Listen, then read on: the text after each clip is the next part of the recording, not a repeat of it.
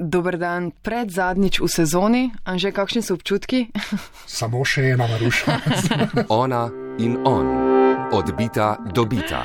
Epidemije ni več, virus je še tukaj nekje, aplikacij za sledenje okuženim pa še ni vprašaj postavljam, zelo veliko so o tem debatirali in ker smo obljubili, eh, še bomo zadnjič v sezoni debatirali, Gorast Božič, lepo te je videti v studiu. Živijo. Dobrodošel. Um, kakšna usodna sprememba od zadnjič? Na zadnjič smo se na to temo slišali 14. maja letos. Mislim, nekaj, nekaj se dogaja, ampak še zdaleč ti konec. Tako, ker eh, prejšnjič je mogoče uh, bila istočenca na koncu. Ja, se bomo še enkrat dobili, mm. pa bomo pa črto potegnili, mm -hmm. pa mhm. videli, ja ali ne.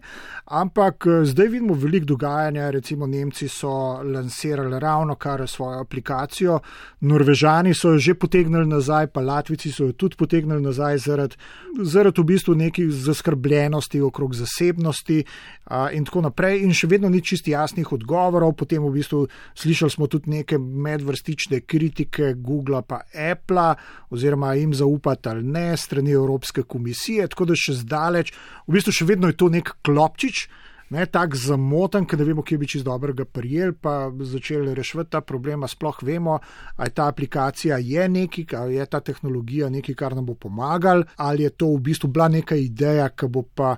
V bistvu bolj šla v zaton, razen če se bo uporabljala za neke druge, za sledenje, za neke druge namene. Predvsem se je ta debata, oziroma ta ideja, to mi je kar všeč, ne rodila res v, v očesu viharja, takrat, ne, ko je virus pač Tako. se širil. Um, je pa res, da je, je potrebno te dve poti nekako povedati, to, kar smo se že zadnjič pogovarjali, ne, da obstajajo zdaj neke aplikacije, ki jih države razvijajo in skušajo uporabljati Bluetooth tako, da pač morajo biti konstantno prižgane in v spredju. Uh mhm. -huh. Potem se je pa vmes dejansko zgodil ta uh, posodobitev operacijskih sistemov, ne tako iOS-a kot Google Androida, ki pa je prenesel ta API, ta programski umestnik, na katerega se pa lahko tudi nekatere aplikacije priklopijo in prek Bluetootha nekako sledijo ne, okužbi. Zdaj, že spet ta sledenje okužbi so zelo močne besede, to sem prav videl, ker je celo Apple in Google sta preimenovala to ja, ja, ja. svojo inicijativo. Prvo je bil to dejansko contact tracing. Ne, kot, ja.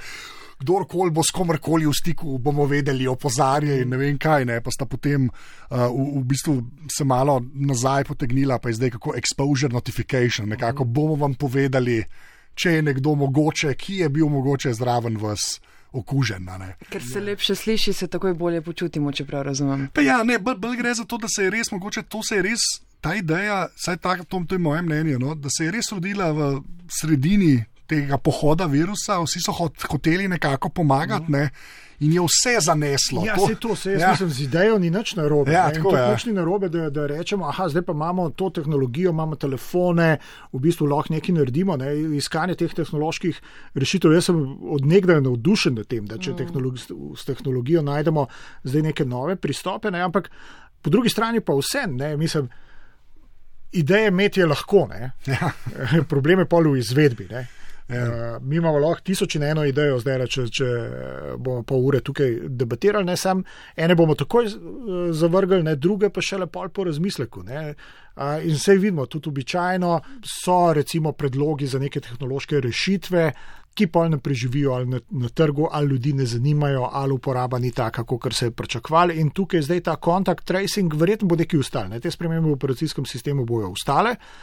Zdaj ta ideja sledenja stikom, mogoče se bo izkazalo, da tukaj za koronavirus, ne, da je bilo prepozen, da v bistvu tudi epidemiološko pol, v bistvu to ni zanesljivo, da za dosti ljudi tega ne namesti, ne, ampak mogoče bojo kakšne druge aplikacije rekla, hm, kaj pa če v bistvu mi sledenje v bistvu stikom vključimo tukaj še v našo aplikacijo, pa bomo to pa še te podatke zbirali in tako naprej, ne, in pa spet lahko gre to v dobro smer ali pa v tako mal bolj temno, ne, kjer bo nekdo spet zbiral podatke in nas profiliral. Ne. Koliko ljudi si te reči sploh namesti? To na zadnje, ko smo se pogovarjali, smo rekli, kdo si bo sploh to nameščal. Ne?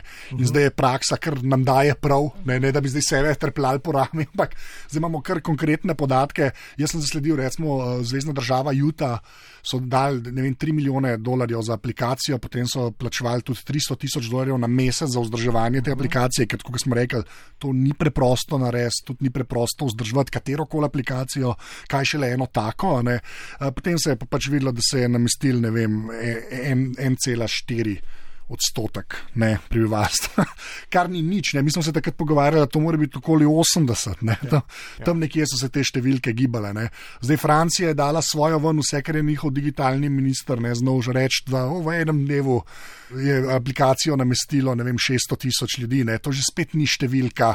Ker ima Francija 67 milijonov prebivalcev. Ja, zdaj, tudi, če rečemo, da je naslednjih deset dni ne, se to ponavljalo, tudi prem bliže ne pridemo. Do sledenja do, stikom, ne, če ja, bi naj bila do, do ta aplikacija namenjena. Kjer ne bi epidemiologi sploh imeli kaj od teh podatkov, ne, pa prej si omenil Norveško, ne, ja. tudi mislim, da 14 odstotkov ljudi jo je uh, namestilo. In še enkrat, tukaj se zdaj pogovarjamo o aplikacijah, večinoma, ki sploh ne uporabljajo tega porabniškega umestnika, kjer mora biti aplikacija pržgana, mora biti v spredju, mm. Bluetooth mora biti pržgan. Ne. Je druga grupa, nekakšna aplikacija, pa potem mislim, da Italija, uh, pa Švica, ne, so pa dejansko aplikacije narejene na podlagi tega uh, umestnika, kleba zdaj jaz, jaz nisem zasledil, no se pa še še čakajo neke rezultate, koliko ljudi dejansko uporablja, kako to deluje v praksi. Ne? Ker jaz sem ja. tukaj še vedno imam veliko skepse, zaradi tega, ker če mogoče še nekako pri Apple, ko oni dajo neko posodobitev ven, to večina telefonov takoj prejme, ne? pri Androidu to tudi približeni tako ne. Ljudje zdaj le hodijo z Androidom 6 v žepu, tudi po Sloveniji, ne, ker tega ne bo videl od blizu. Vemo pa, da Android dejansko predstavlja kar veliko večino mobilnih telefonov. Ne. Tako da re, me, sem tako kar mal žalosten po svoje, da vse, kar smo nekako negativ, nisem negativnega. Kar smo napovedovali, skepse, ja, ja, bomo ja, tako rekli, ne, da se kar nekako resničuje in predvsem potem se vidi, koliko so to prazne besede, sploh iz strani politike ne, oziroma oblasti, ne, a imeli bomo aplikacijo, ki bo. Pa, pa, ki pogledaš, vsaj malo podrobnosti, pa stvari, kar začnejo razpadati. Ne. Ja, malo je siguren, gre krivde na, na moment, ne, na epidemijo in na dovzetnost mogoče politike, da je hitro skočila in verjela v te tehnološke rešitve ne, po celem svetu. Ne, da v bistvu so videli tukaj kot neko magično priložnost ne, in marketinško tudi je tehnologija dosta pumpana. Ne. Če pogledamo in v bistvu uh, ta AI, kako se vse prodaja kot pametno, pa, pa ja. internet ja. stvari in kako v bistvu gre, drvimo v neko, v neko svetlo prihodnost, ne, tehnološko, in je tako nahajpan, da mogoče tudi to. Prispeva k temu, ne, da potem, ko nekdo prije in reče: Uf, to bi pa mi lahko v bistvu z nekim kontakt tracingom, pa Bluetooth, pa vsi imamo zdaj telefone in uf, prodano. Uh mhm. Ja, super, imamo rešitev problema realnost je pa seveda drugačna. Mhm. Zanimivo se mi je zdelo to odprto pismo eh, držav Francije, Italije, Nemčije, Portugalske in Španije. Um, nekako so tudi napadli Apple in Google, čež da naj tehnološki velikani nehajo diktirati eh, uporabo. Um, Gorast, ali to pomeni, da so kaj končno vsi dojeli, da v Evropski uniji nimamo nobenega od teh velikanov, to smo se že pogovarjali, ja. uh, kar še ne pomeni, da nimamo dobro razvitega tehnološkega sektorja ali kako si ti razlagaš to, um, to pismo ja, teh držav? Tako članic? velikih teh uh, internetnih feudalcev, kot jih včasih tudi rečemo, ne, res nimamo. Ne. Zdaj je to dobro ali slabo, ne, a jih ja. rabimo nujno tudi v Evropi nekega v bistvu takega internetnega giganta ali boljš v bistvu, da je to eh, prerasporejeno. Jaz ne bi rekel, da so, da so zdaj v teh državah dojeli, da je situacija taka. Ne? Jaz bi rekel mogoče, da v bistvu so si nehali zatiskati oči oziroma pa če je to trenutek, kjer se je razkril, da te uh, velike ameriške firme dejansko lahko diktirajo. Razvoj, ne? In zdaj v bistvu skakati in tulti, ja, to pa ni prav, to pa ni prav, ne, ne bo veliko zalegel. Ne, zdaj tukaj, kako je v nek razvoj, kjer bi tudi Evropa to, oziroma Evropska unija lahko to uravnotežila. Jaz osebno mislim, da, da v bistvu manjka še kar nekaj pri tem pristopu od Evropske komisije, ki je doskrat obremenjen z temi birokratskimi postopki in tako naprej. Ne. Ampak to je zdaj debata nekega. V bistvu, eh, kako bi rekel, ekonomsko-političnega sistema ne, v ZDA, pa v Evropski uniji. Zdi se mi prav, da se v bistvu uglasijo tudi taki glasovi, ne? da uh, povemo, da ni v redu, da v bistvu se diktira v Ameriki, kjer je čist drugačen odnos do osebnih podatkov. Tam se preprodajajo lokacijski podatki na veliko, ne? o tem smo že uh, govorili in to so. To so take dramatične zgodbe, pol pridejo v iz tega in to je čist nek drug pogled ne. na to. In tukaj imamo neko drugo tradicijo in je prav, da se proba to ohranjati. Zdaj, eno je kritika, drugo je pa to, da se da vzpodbuditi z nekimi pozitivnimi premiki. Ne. Zdaj, en primer, ki imam, ki je čist nekje iz drugega sveta, ampak se dotika tudi osebnih podatkov, ne, ko je prišlo do v bistvu tega kuki člena, ne, se pravi člena v piškotkih, da je treba v bistvu uporabniku pokazati, ja, zdaj bo pa v spletno mesto namestili take pa take piškotke. Ne. Sem jaz odnegda bil na stališču, uporabnik ne bo v bistvu vedel, kaj zdaj to pomeni. Ne. In zakaj Evropska komisija ne bi na mest to, ne, da v bistvu se gre v nadzora, so zdaj vsi implementirali tiste nadležne pop-upe, zakaj ne bi razvila dodatka, ki bi ga bil vzdrževan za vse brskalnike in bi v bistvu za nas poskrbel. Ne. Mi bi si namestili, vedeli bi, tukaj roko čez drži Evropska unija z nekim zunanjim izvajalcem, ki je dubo pogodbo in v bistvu on skrbi, da v bistvu tisti vtičnik za brskalnik odstranjuje nadležne piškotke, ki mi bojo sledili. Ne. Se pravi, to je ta inženirski pristop, ne. drugo je pa nek pravniški pristop, to vse je treba v bistvu regulirati in prepovedati. In se mi zdi, da bi mogoče lahko več inicijative vzeli tukaj na tehnološkem.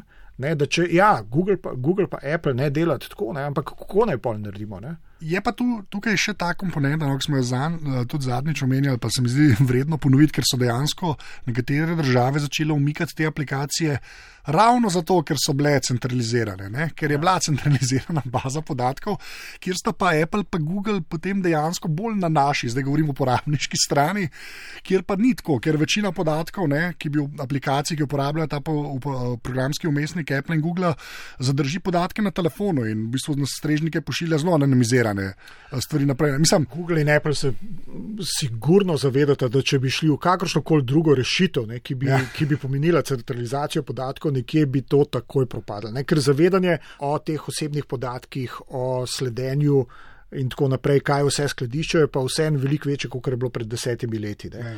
In dobro vejo, da v bistvu morajo najti rešitve, ki bodo zadovoljile tudi te naše potrebe. In tukaj lahko rečemo, mogoče pa cel ta cikl sprejema GDPR-ja, te uredbe o zaščiti podatkov in tako naprej, pa pozitivno prispeval k tem, ne? da se tudi v ZDA zdaj zavedajo, da če hočejo nekaj ponuditi, mora v bistvu za uporabnike znotraj EU-ja tudi zadostiti nekim zelo strogim zahtevam za osebne podatke. O Sloveniji moramo še kaj povedati. No? Pred dnevi sem brala na MMC-ju, da je državna sekretarka na Ministrstvu za zdravje Tina Bregant rekla nekaj v stilu, da bi bilo dobro, da je aplikacija za sledenje stikom okuženih z novim koronavirusom že razvita, če oziroma ko se bo zgodil drugi val epidemije. Um, Gorast, imaš kakšne vire blizu uh, vladni Ne, skupini, ne, ki to razvija? Nimam, ampak jaz to razumem zgolj kot neko hipotezo, ne, da če bo prišlo do drugega vala, takrat bi, bi bilo koristno, če bi imeli že to aplikacijo uh, v delovanju in če bi vsi državljani ozi- oziroma prebivalci Slovenije imeli to aplikacijo nameščeno. Ampak je to poziv nekim podjetjem, da jim zdaj to razvit, preden bo Jaz prepozno, tega- ali se jaz v ozadju že kaj tako. razvija? Jaz, jaz to razumem kot željo, ne, za, ali pa kot v bistvu mogoče nek odgovor na vprašanje, ne, ali bo aplikacija pomagala.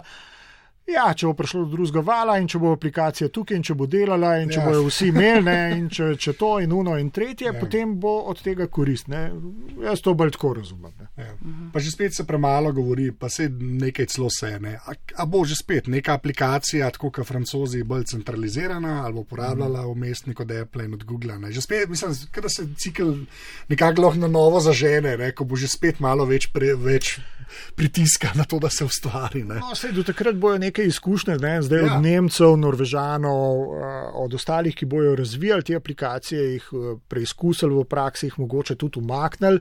Zdaj mogoče bo zaključek tega vsem, da to vrstne aplikacije ne obnesejo v trenutnem okolju in da ljudje tudi mogoče zaradi nezaupanja uh, ne nameščajo za dost in ni učinka in v bistvu se bo to pozabili. Uh -huh. Ne, ali bo pa prišlo do kakšnih v bistvu bolj pozitivnih premikov, lahko da bo v nekih primerjih pol to koristno. Ta trenutek težko rečem. No. Ja. Osebno se mi zdi bolj tisto prvo. Ne, Da, da bomo pozabili. da se bo še nekaj časa govorilo o teh aplikacijah eh, in tako kot o konceptu, ampak v bistvu jesen je čez par mesecev. ne. A, jaz, Ja. mislim, jaz mislim, da če bo prišlo do drugega vala, Um, Dvomim malo, no, da bomo zdaj vsi imeli nameščeno aplikacijo, ki bo v bistvu bistveno lahko pomagala uh, potem zdravstvenemu osebju pri tem, da, da, da bomo ugotavljali, kdo vse je še, koga je treba še vse potestirati. Ne, ampak to je zaenkrat občutek. No. Torej, Goras, nisi pristaš eh, teorije, da bi bilo najbolje, da ima Evropska unija vse države eno aplikacijo, zdaj po izkušnjah, po treh mesecih, oh, ko smo zadeve spremljali. Vsekakor sem na tej poziciji, da če že imamo aplikacijo, pole verjetno najbolj, da imamo, ne da imamo mi svojo, pa italijani ja. svojo, pa avstrici svojo, pa je pol problem s kompatibilnostjo, ne? ampak da imamo enoten standard, pa različne aplikacije razvite po istem standardu, ali pa v bistvu zakaj pa ne, da se, da se znotraj EU-ja potem uporablja ena aplikacija, ki lahko pokrije vse in se tukaj bo optimizira pol tudi stroške razvoja in vzdrževanja. Je pa vprašanje, ali je to izvedljivo. Ne? Zaradi partikularnih interesov, zaradi tega, ker to lahko pol rata nek mastodont, ko v požaru ogromen denarja, pa una aplikacija okorna, pa nam hotel uporabljati mm. in tako naprej. Ampak res, da če, če, bi, če obstaja ne, neka inštitucija na svetu, ki bi res dobro prevedla uporabniški umestnik v vse jezike ne, Evropske unije je pa to pač Evropska unija, ne pač parlament oziroma komisija. Mislim, če bi kje dobili dejansko. Ne ja. za to. Ampak, le, če smo v vseh treh oddajah bili dokaj pesimistični, bomo tudi zaključili tako. Ne? To se zelo verjetno ne bo zgodilo, pač, da bi vse države skupile skupaj z eno aplikacijo, ki bi bila ja. res dobra, učinkovita, uporabna in prijazna ljudem. S, jaz si sploh ne znam predstavljati, kako bi to z GDPR-jem ja. šlo. Kako, samo zmen bi se mogel, kje bi nek server stal, kako bi ta debata ta zgledala, si jo jaz ne predstavljam. No, jaz si jo ne znam predstavljati, tudi na Evropski uniji, na ravni Evropske unije. No. No, vidiš, jaz sem že začel razmišljati tako, tako podoben distribuiranem sistemu, kot je DNS, ko vsak za svoj server skrbi, ampak pol vse je povezan, pa samo. No, prav, ja. Odbita, dobita. Ja, bomo videli, ali kaj ne moremo zaključiti debate, se bomo dobili oktobra, novembra, ja, decembra. uh, sem imel šalo v drugem valu, pa je ne bom rekel. ja, ne, jaz to pa prepuščam vam. Ja, bo to tema ali ne bo to tema, ja, tukaj pa vidva določata. Mi dva še vedno misliva tudi, da lahko širjenje virusa, katerega koli že pač uh, zaezite z skrbjo zase in tudi svoje naprave. In to je to.